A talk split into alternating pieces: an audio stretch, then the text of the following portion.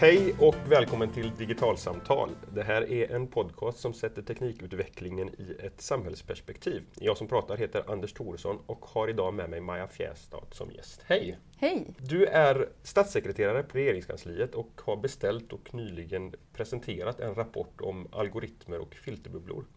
Varför intresserar sig regeringen för det här? Jag representerar en, en lite speciell del av regeringen som, eh, som kallas för Framtidskansliet som ligger under framtidsministerns portfölj. Eh, och vi har då det, det, utmanande och roliga uppdraget att eh, identifiera eh, frågor av särskilt strategiskt intresse eh, som är intressanta på lång sikt. Och eh, då tycker vi att just relationen mellan teknik och samhälle är ju en av de riktigt stora strategiska framtidsfrågorna.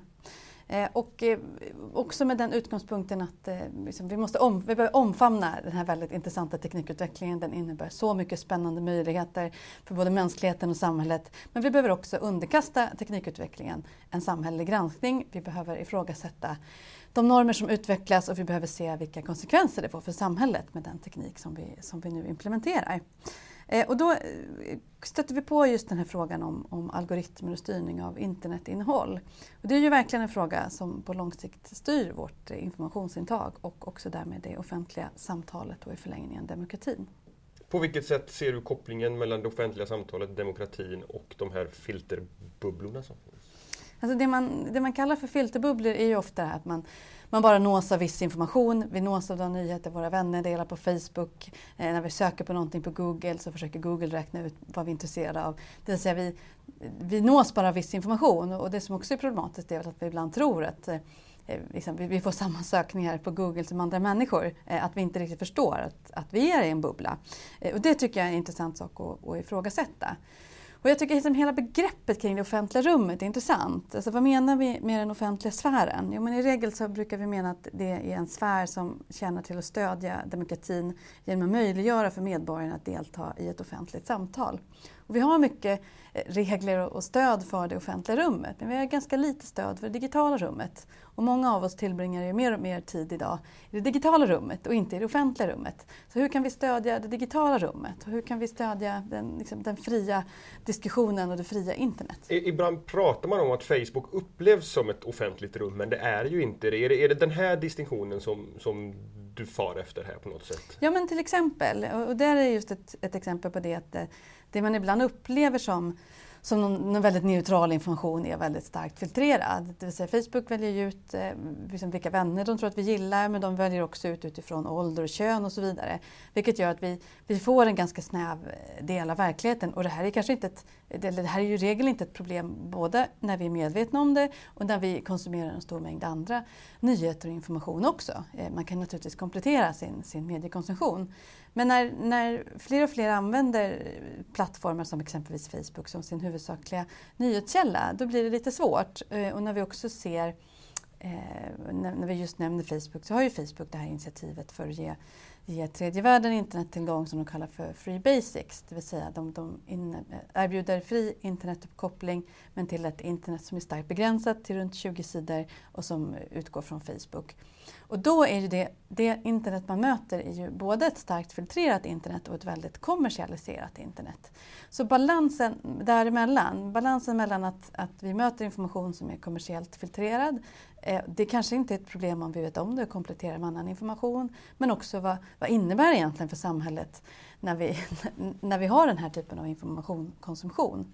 tycker jag är väldigt spännande. Jag skulle vilja komma tillbaka till det här liksom, konsekvenserna för samhället, men det låter som att du pratar egentligen om, om ett antal olika filterbubblor här, eller ett antal mm. olika filter. Ett som handlar om det med Free Basics, som mm. handlar om att man som internetanvändare faktiskt inte kommer åt internet utan bara ett begränsat urval. Mm. Sen har vi de här algoritmiska filtren som är, är Googles sökresultat eller eh, vänförslagen på Facebook. Och sen har vi också den filterbubblan som vi sätter oss i själva genom att välja vilka grupper på Facebook vi är med i mm. till exempel. Spänner liksom regeringskansliets intresse över, över hela de här eh, alla de här olika typerna av filter och filterbubblor. Vi har ju beställt då den här rapporten i rent kunskapsutbyggande ja. syfte egentligen. Mm. Eh, rapporten är skriven ska jag säga, av Jutta Heider och Olof Sundin på institutionen för kulturvetenskapen. Och det är en väldigt bred översyn av de här olika, mm. både problem och möjligheter med, med algoritmstyrd informationsfiltrering egentligen. Och, och, vi har ju alla de här olika sätten och en del av den här är ju väldigt bra. Jag menar, vi, vi uppskattar ju att kanske faktiskt att Facebook inte visar oss vissa personers statusuppdateringar. Eh, jag uppskattar jättemycket att Spotify hjälper till att föreslå musik jag kanske skulle gilla. Det är ju delvis en, en, konsumtion, en konsumenthjälp. Mm. Eh, och när vi mer och mer lever i en värld som, som präglas av väldigt stora datamängder, man pratar om eh, big data som naturresursen för nästa århundrade. Eh, jag har fått påpekat för mig att data och informationsflöden idag genererar mer ekonomiskt värde än varuhandel. Alltså för att kunna hantera de här datamängderna så måste vi ha algoritmer som väljer ut den här informationen. Vi kan inte hantera all. Men den jätteintressanta frågan tycker jag är liksom, hur ser de här algoritmerna ut? Vem skriver dem? Har vi insyn i dem? Är, är de alltid kommersiella eller är det andra eh, typer av intressen? Det är inte alltid som att en, en ett filter är avsiktligt heller. Alltså det, ibland så, så blir det snarare, det råkar bli en, en filtrering av informationen. Och jag tänker att eh, vårt uppdrag är att se en, del, en bit in i framtiden mm. och jag ser ju verkligen en framtid där, där man för väldigt många olika typer av stora beslut, både politiska och kommersiella, men då inte minst eh, politiska beslut vilar på ett beslutsunderlag som, som består av, av, stora genererade datamängder. Och då, vilka algoritmer sorterar den informationen? Det blir ohyggligt intressant tycker jag. Därför att makten i att sortera den informationen blir enorm. Och då behöver vi börja diskutera någon typ av offentlighetsprincip för algoritmer. Vi behöver diskutera liksom vilken makt uttrycker de här informationssorterande algoritmerna? Vill vi att den ska uttrycka det? När är algoritmer ett konsumentstöd och när är det liksom eh, någonting som, som begränsar vår informationsintag. Det företag som Google och Facebook brukar, brukar försvara sig med när det här med, med öppenhet kring algoritmerna kommer på tal, det är ju att algoritmerna det är, deras, det är deras, hela deras affärshemlighet. Det är de som har gjort företagen till vad de är idag och därför vill de inte öppna upp de här för offentlig granskning. Hur, hur tänker du kring, kring det resonemanget? Ligger det någonting i det? Alltså man ska ju för det första ha klart för sig att det är kommersiella mm. företag. Eh, och det, det, är väl kanske ibland ett ett misstag man gör när man, när man utgår från just att... Eh, jag tycker många människor säger så här, ja men kolla upp det här, så här, det är första sökningen om du söker på XXX på Google. Så här, ja, när du söker på Google, kanske inte när jag gör det. Det vill säga att vi, vi måste börja med att veta att, att den, de sökresultat vi får är, är kommersiellt filtrerade. Mm. Eh, sen är det naturligtvis eh, så att, att det är, är deras är rättighet att hemlighålla deras algoritmer. Men det säger också någonting om vår informationsvärld. Att, att så, det är så stort ekonomiskt värde i informationssorterande algoritmer att den här typen av, av multiföretag byggs upp på dem. Mm. Men, men tror du att det finns någon, finns någon möjlighet att hitta ett system där där en tredje part kan, kan granska algoritmerna. Kanske, de kanske inte måste vara helt offentliga utan man har något revisionssystem eller liksom på, på något sätt någon som, som har en viss insyn i hur algoritmerna fungerar. Just för att jag som medborgare ska kunna känna mig hyfsat trygg med att jag inte blir, blir manipulerad utav en liten grupp utvecklare på Google som har helt andra intressen eller, eller vad det nu kan vara. Jag tycker att, att, relationen mellan individ och de här stora företagen är ju väldigt intressant och därför att man ofta kan uppfatta sig som en, i en stark beroendeställning. Mm. Eh, det är väldigt svårt att inte vara med på Facebook idag när så stor del av vårt sociala liv eh, utspelar sig där. Eh, en del säger att ja, ja, men de har ju accepterat de här villkoren och man har ju klickat i rutan och man har ju bort sina rättigheter så då får man ju skylla sig själv. Ja, fast det är också eh, den enda liksom, socialt eh, liksom berättigat saken att göra. Det, det, blir väldigt svårt att stå utanför Facebook. Man, man, får inte inbjudningar till kalas, man kan inte kommunicera med sina vänner. Folk slutar använda sin e-mail och säger mejla mig på Messenger. Det är inte så enkelt att stå utanför de här plattformarna. Mm. Och det ger också de här plattformarna ett stort ansvar, tycker jag. Mm. Eh, de behöver eh, ta det ansvar som följer med att vara så stora informationsplattformar och sociala plattformar som de är. Mm. Eh, sen behöver vi alltid eh, liksom både ifrågasätta vad behöver vi från statlig sida eh, göra för att garantera människors rätt till integritet, säkerhet och data. Det är ju en, en pågående diskussion och, och, den behöver vi fortsätta föra. Mm. Jag tycker också att det är intressant eh, alltså hur, hur relationen mellan användare och stora plattformar ser ut. Det vill säga det, det är sällan det är organiserade användaruppror. Eh, varje gång Facebook ändrar sin Eh, sitt gränssnitt så, så, blir det ofta lite, så folk blir lite sura. Folk vill inte gå över eller starta någon Facebookgrupp. Så här, vi vill inte att de ska ändra. Det är ofta väldigt temporära mm. rörelser. Mm. Det finns liksom inga folkrörelser mot de här eh, plattformarna. Det finns ingen, ingen stor organiserad eh, liksom användargrupp. Och där tror jag att man verkligen kommer att se en sån utveckling. Det vill säga att, att det kommer att löna sig för stora plattformar att ha en stark delaktighet. Både där folk kan kan styra sina egna algoritmer och kanske där man kan, kan backa lite i algoritmstyrningen. Mm. Eh, det, det, de här filterbubblorna riskerar att göra det är ju att man får en, en väldigt personlig bild utav hur samhället fungerar och ser ut. Vad, vad kan det göra med, med samhällskontraktet och relationen mellan medborgare och stat, tror du? Man pratar ju ibland om att vi, vi är ett mer och mer polariserat samhälle. Vi, vi lever i våra små, små bubblor. Eh, vi, vi, läser vissa eh, sajter, vi tar in information från väldigt speciella sajter. Så har det ju alltid delvis varit att man, alltså människogrupper läser olika informationskanaler och olika tidningar och lyssnar på olika radiokanaler. Eh, men när den här eh, kommunikationen mer och mer sker i olika bubblor så, så förstärker man, det finns den här tendensen att man förstärker uppfattningen av bubblor. Man får uppfattningen att alla tycker så här. Eh, ja, alla på mitt Facebookflöde kanske, men inte alla i, i Sverige. Och man, man tappar den här relationen till vad, vad är en allmän uppfattning. Eh, så, så, kan man hamna i, i relativt problematiska tolkningar av samhället.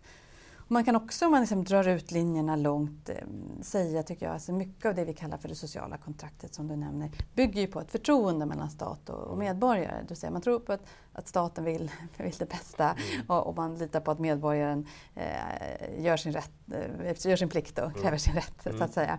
Eh, men, men, när man inte alls har den här informationsvägarna utan lever i sina egna filterbubblor, eh, då ser vi nog ett, ett annat socialt kontrakt. Och det tror jag i förlängningen kan bli problematiskt. Om vi inte har ett levande offentligt samtal där man exempelvis kan, kan ställa politiker till svars, eh, där man kan ha en dialog med medborgarna, eh, då, då, kommer det göra saker med demokratin. Det är väl lite det som, som Jutta och Olof pekar på eller mm. liksom varnar för, kanske man ska säga i sin rapport. Mm.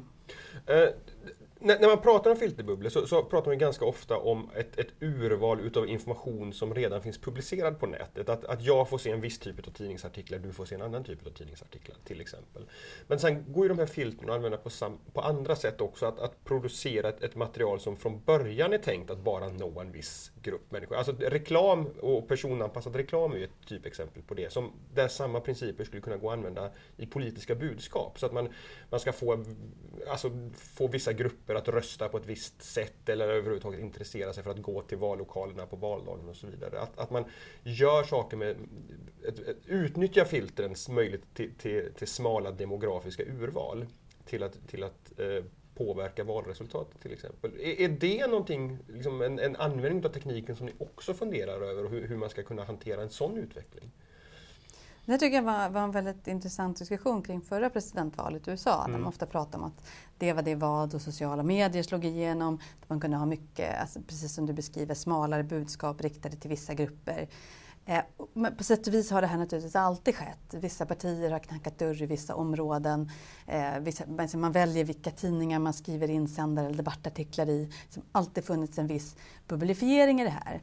Eh, om, man, om man ser en väldigt lång dystopisk framtid så tycker jag kanske som risken är att, att det blir så mycket filterbubblifiering att man kan ha olika vallöften i olika bubblor. Mm. Det blir väldigt olyckligt för att vårt, vår demokrati bygger på att politiker eh, utfärdar vallöften, står för dem och utvärderas utifrån dem. Eh, men, men om man istället har så riktad kommunikation att det blir olika, att det inte blir ett sammanhållet Därför att då försvinner ju verkligen det offentliga samtalet. Därför att då ja. vet inte jag vad politiker X har lovat dig och så Nej. lovar han mig någonting annat och så får han oss att rösta på honom fast utifrån två helt olika aspekter. Det blir ju verkligen att måla upp en, ja, ja, en, en, en, väldigt svart men, framtid, en framtid som ligger väldigt långt bort. Men, men, men ibland tycker jag också att man ska våga liksom ställa frågan vad, hur, vart kan det leda då? Eh, mm. Just för att se eh, vart man inte vill att det ska leda. Mm. Eh, just kring kring riktad information eller riktad reklam. Eh, jag är kanske inte riktigt lika oroad. Liksom det är en, en tendens som alltid har funnits. Mm. En tendens som man, man kanske behöver hantera och vara medveten om. Mm. Uh, I rapporten så, så tar författaren också upp ett, ett, ett, antal andra aspekter på filter. Ett, ett utav sånt handlar ju om hur det offentliga ska se till att, att det är, är evidensbaserad information som, som, som hamnar högt upp i sökresultaten. De, de exemplifierar med, med när man söker på vaccin och, och huruvida det är vaccinmotståndare eller inte som, som hamnar högt upp i sökresultaten. Vad, vad, vad betyder liksom en, en sån utveckling för det offentliga och den offentliga verksamhetens möjlighet att, att nå igenom med vederhäftig sann information? Men den, till att börja med, och som jag tänker att rapportförfattarna också understryker, är just den här alltså medvetenheten, källkritiken. Vi pratar ibland om media literacy. Mm. Det vill säga vi behöver veta att det vi läser på en internetsida inte är den uppenbara sanningen. och det tycker jag börjar slå igenom. Mm. Jag tycker att barnen lär sig det i skolan ändå. Mm. Att men, kolla en gång till, eh, vara källkritisk, eh, vara med avsändare. Eh, på ett mycket bättre sätt än, än vi som växte upp med uppslagsverk mm. här. Mm. Eh, och det innebär ju också att man behöver vara källkritisk när man söker på Google. Mm. Eh, Olof tar upp det här exemplet att han sökte på på ordet vaccin mm. eh, på flera olika eh, plattformar, men bland annat på Facebook. Och då hade han någon vän som var sån eh, vaccinmotståndare, vilket gjorde att han direkt hamnade in i väldigt många sådana alarmistiska länkar som var mot eh, vaccin. Eh, vilket gör att man, liksom, man ramlar in i en liten filterbubbla utan att liksom gjort någonting själv. Man har på något sätt blivit typecastad i den bubblan, hamnar där i sina sökningar. Eh, att, liksom, att dra ut tangenten till liksom en, en statlig garanterad information är kanske är lite svår och kanske lite lång. Men att börja med att vi väldigt, behöver en tydlig medvetenhet och vi behöver media literacy och vi behöver eh, lära Eh, både ungdomar men också oss själva att ha ett väldigt källkritiskt förhållningssätt. Både till innehållet på internet men också till sökresultaten mm. tycker jag är centralt. Jag har läst om, där man har tittat på, eh, um, när man söker på olika sjukdomar till exempel, eller, eller, symptom, vilken typ av sajter det är som hamnar högt upp i sökresultaten. Och där kan jag tänka mig att det är en, det är en sånt område, 1177 sjukvårdsupplysningen, behöver jobba aktivt med sökordsoptimering och, och, och så vidare. Så att se till att det är, är, är de sajterna som hamnar högt upp och inte med, med massa kvacksalvermetoder, kvacksalverimetoder för, för olika sjukdomar. Hur, hur, hur jobbar liksom statsapparaten med, med den här typen av frågor idag? Hur skulle du vilja att det ser ut framöver? Eh, stor fråga. Ja. Men, alltså, staten behöver ju tillhandahålla eh, neutral och saklig information alltså, som man gör via den här typen av, av eh, sjukvårdsupplysningen, andra typer av, av information som exempelvis Skatteverket mm, har och så vidare. Alltså, det vill säga, om man söker den typen av information så ska man hitta den. Eh, Sen är naturligtvis frågan om liksom vilken information har medborgaren förtroende för. Eh, majoritet av, av medborgarna har naturligtvis stort förtroende för myndigheter men vi har också alltid en grupp medborgare som inte har det här förtroendet utan söker de alternativa sidorna. Och det måste man förstås också ha möjlighet att göra. Mm. Um. Mm, okay. um, ehm, också en, en, del i rapporten handlar om, om algoritmer i offentlig verksamhet och beslutsfattande som sker utav algoritmer. Ehm, en, en, väldigt öppen fråga. Vad, vad, vad, ser ni för, för möjligheter och risker med när myndigheter algoritmiserar ett, ett beslutsfattande å medborgarnas vägnar? Jag tänker mig att vi, vi kommer se att vi, vi, om jag ska göra en framtidsspaning, så mm. går vi in i stora, århundradet för stora data nu. Mm. Det vill säga vi, har, vi samlar in all den här informationen och just nu är vi inte alltid så bra på att ta hand om den. Framförallt är inte staten så bra på att ta hand om den. Eh, och vissa myndigheter har fått uppdrag att jobba mer med öppna data. Och det vill säga den möjligheten staten har både att samla in öppna data från medborgarna eh, eller att erbjuda öppna data som en innovationsplattform är ju enorm. Eh, och det här är en möjlighet vi måste ta vara på. Mm. Vi skulle kunna få mycket bättre beslut om vi baserar dem på bättre datamängder. Ehm, vi skulle kunna få, få en stor vi kan ha bättre interaktioner mellan individ och stat om vi både erbjuder öppna data och efterfrågar öppna data. Det vill säga staten är ju i grunden intresserad av vad medborgarna vill ha och gör. Ehm, men vi måste hitta bättre sätt att, att göra det. Vi har länge haft system med, eh, med medborgarförslag i kommunerna. Eh, från början på papper, så småningom på internet. Hur kan man få in ännu mer av, av medborgarmedverkan? Det finns ju en enorm demokratisk potential i digitalisering så vi måste hitta bra sätt att, att använda. Men frågan blir naturligtvis också hur använder vi den här? Mm. Staten har ett väldigt stort ansvar att göra det på ett transparent sätt. Om vi ser framåt i tiden eh, Eh, till en situation där vi mer och mer använder stora data som grund för politiska beslut. Då måste vi vara väldigt noggranna med hur vi sorterar den datan. Eh, och det måste ju någon, någonstans då vara eh, liksom, algoritmer som, som hjälper till att sortera datan. Och vem ska skriva dem? Hur ska den se ut? Eh, och, och, vilken typ av offentlighet måste vi ha kring dem? Det vill säga det måste vara ett transparent och neutralt sätt att nås av data. För, för det jag tänker här är ju att som småbarnsförälder så har, har, man hört hur många olika berättelser som helst om olika besked från Försäkringskassan, från, från kompisar som har haft ungefär samma situation. Att handläggarna fattar lite olika beslut, tycker man, utifrån ganska liknande grunder. Alltså, här någonstans borde det finnas en möjlighet ändå att bygga en en, en beslutsorganisation som, som faktiskt fattar rätt beslut utifrån hårda givna fakta. Genom en algoritm istället för genom en, en handläggare som sitter och fattar besluten. Kan, kan man se en sån utveckling tror du, där, där, där fler faktiskt myndighetsbeslut fattas algoritmiskt än idag? Eh, det var en svår fråga som jag inte vågar svara på på sittande bord. Nej. Eh, jag, jag tror att vi, vi behöver eh, värdera den individuella prövningen men Ja. vi behöver också se till att den är rättssäker. Mm. Och en del i rättssäkerheten är att, att eh, ibland eh, automatifiera. Eh, jag vet att i, i många situationer har man både, ibland när man tolkar röntgenbilder och sånt där i vården, så har man både en, en dataläsning och en läkare som tittar på den. Och ibland så upptäcker de inte inte Samma samma, sak, saker. nej. eh, Utan man, man liksom att, att komplettera det mänskliga ögat och de mänskliga be- bedömningarna med digitaliserade bedömningar. Där finns det För, för, för det jag tänker är att om man, om man sätter sig ner en gång, ett stort kompetent gäng, både duktiga jurister och duktiga utvecklare och, och, och liksom på något sätt omsätter, ja, men lagen ser ut så här, hur omsätter vi den i en algoritm? Lagen är ju en algoritm. Ja, jo det, jo, det är men okej, men en algoritm som, som, som, som da- datorerna kan, kan fatta beslut utifrån. Då, då, om att vi kodifierar algoritmen, eller den lagliga algoritmen.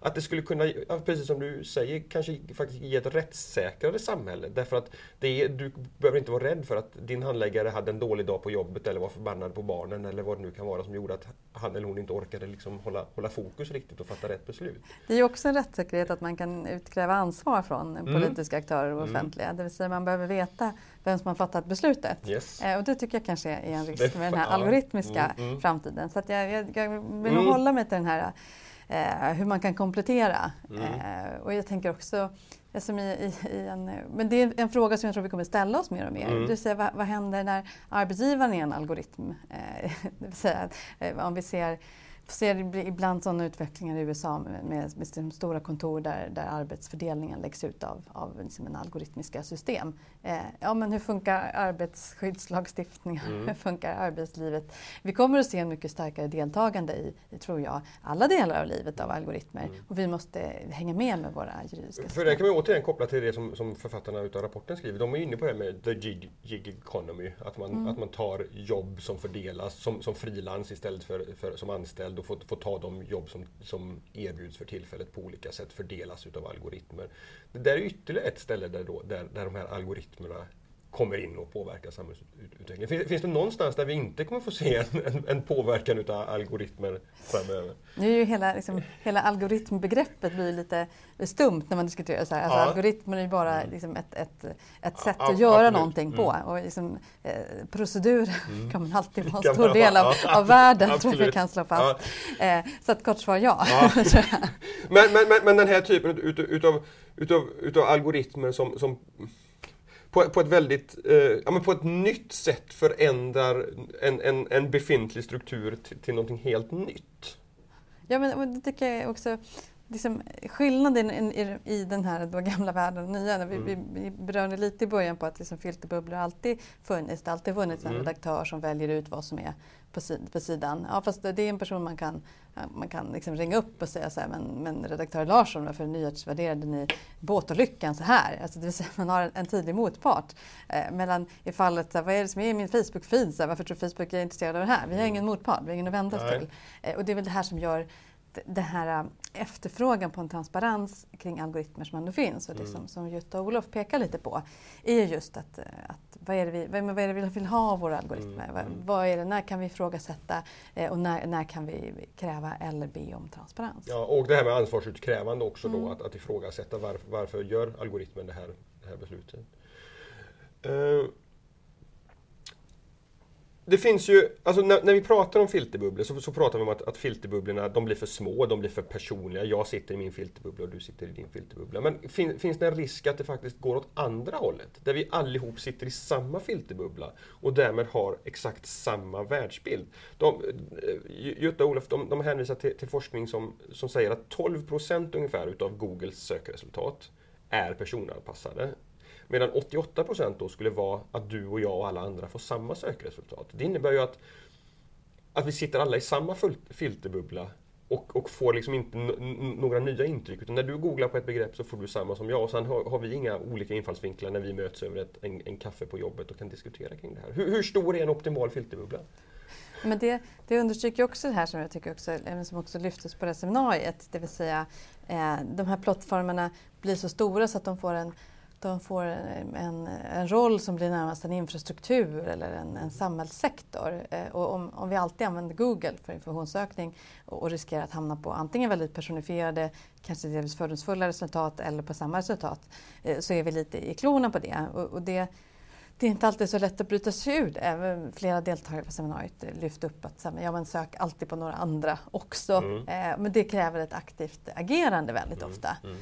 Um, och jag tror att och det är, alltså, en början till det är väl att ha en, en medvetenhet om mm. att eh, det, är inte en, det är inte en neutral sortering av länkar Nej, Precis.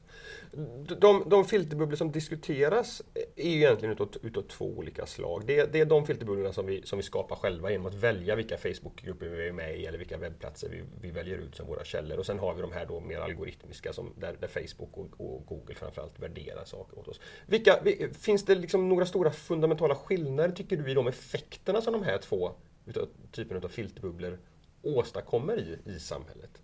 Beskriv igen det. Ja, men å, å, ena sidan har vi de filterbubblorna där jag själv väljer att jag ska lajka de här sidorna, vara med i de här grupperna på Facebook. Alltså att jag gör ett aktivt val, att, att jag kliver in i den här nätgemenskapen där den här världsbilden finns.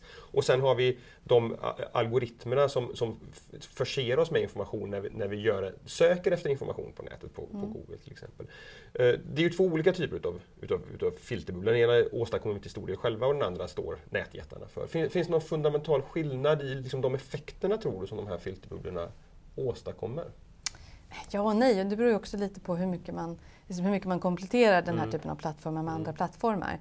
Eh, jag tror att många inte är medvetna om att man skapar sitt Facebookflöde med sina likes. Eh, och, eh, ett exempel är ju också hur folk försöker lite lura Facebook-algoritmen. Jag vet att Rättviseförmedlingen hade och liksom just när man likar grupper som liksom mer publicerar nyheter så man inte alltid och likar. Man läser och tänker så här, vad intressant. Men när man inte likar för så försvinner de i flödet. Och då vet jag att, att Rättviseförmedlingen hade en post som var så här, gå in och våra, fem av våra statusar nu så fortsätter du se oss i flödet. Det säga det finns sätt att, att lura där man, Facebookflödet lite grann. Rättviseförmedlingen helt enkelt bad ja, sina följare ja. att, att mata Facebooks algoritm med rätt indata för att de skulle fortsätta. Okay. Mm. Eh, och det finns också andra eh, som använder det här för att eh, om man vill anmäla en en, en eh, hotfull eller eh, obehaglig post på, på Facebook eh, så är det mycket sannolikhet, sannolikare att Facebook reagerar om det är många som har anmält. Och det finns det mm. också grupper som, som organiserar den mm. typen av anmälningar.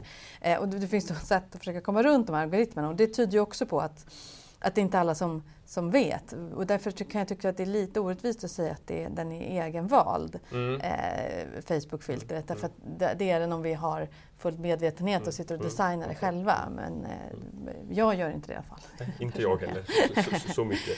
Eh, nu har ni fått den här rapporten utav forskarna. Mm. Vad, hur, hur kommer ni jobba vidare med de här frågorna framöver? Mm.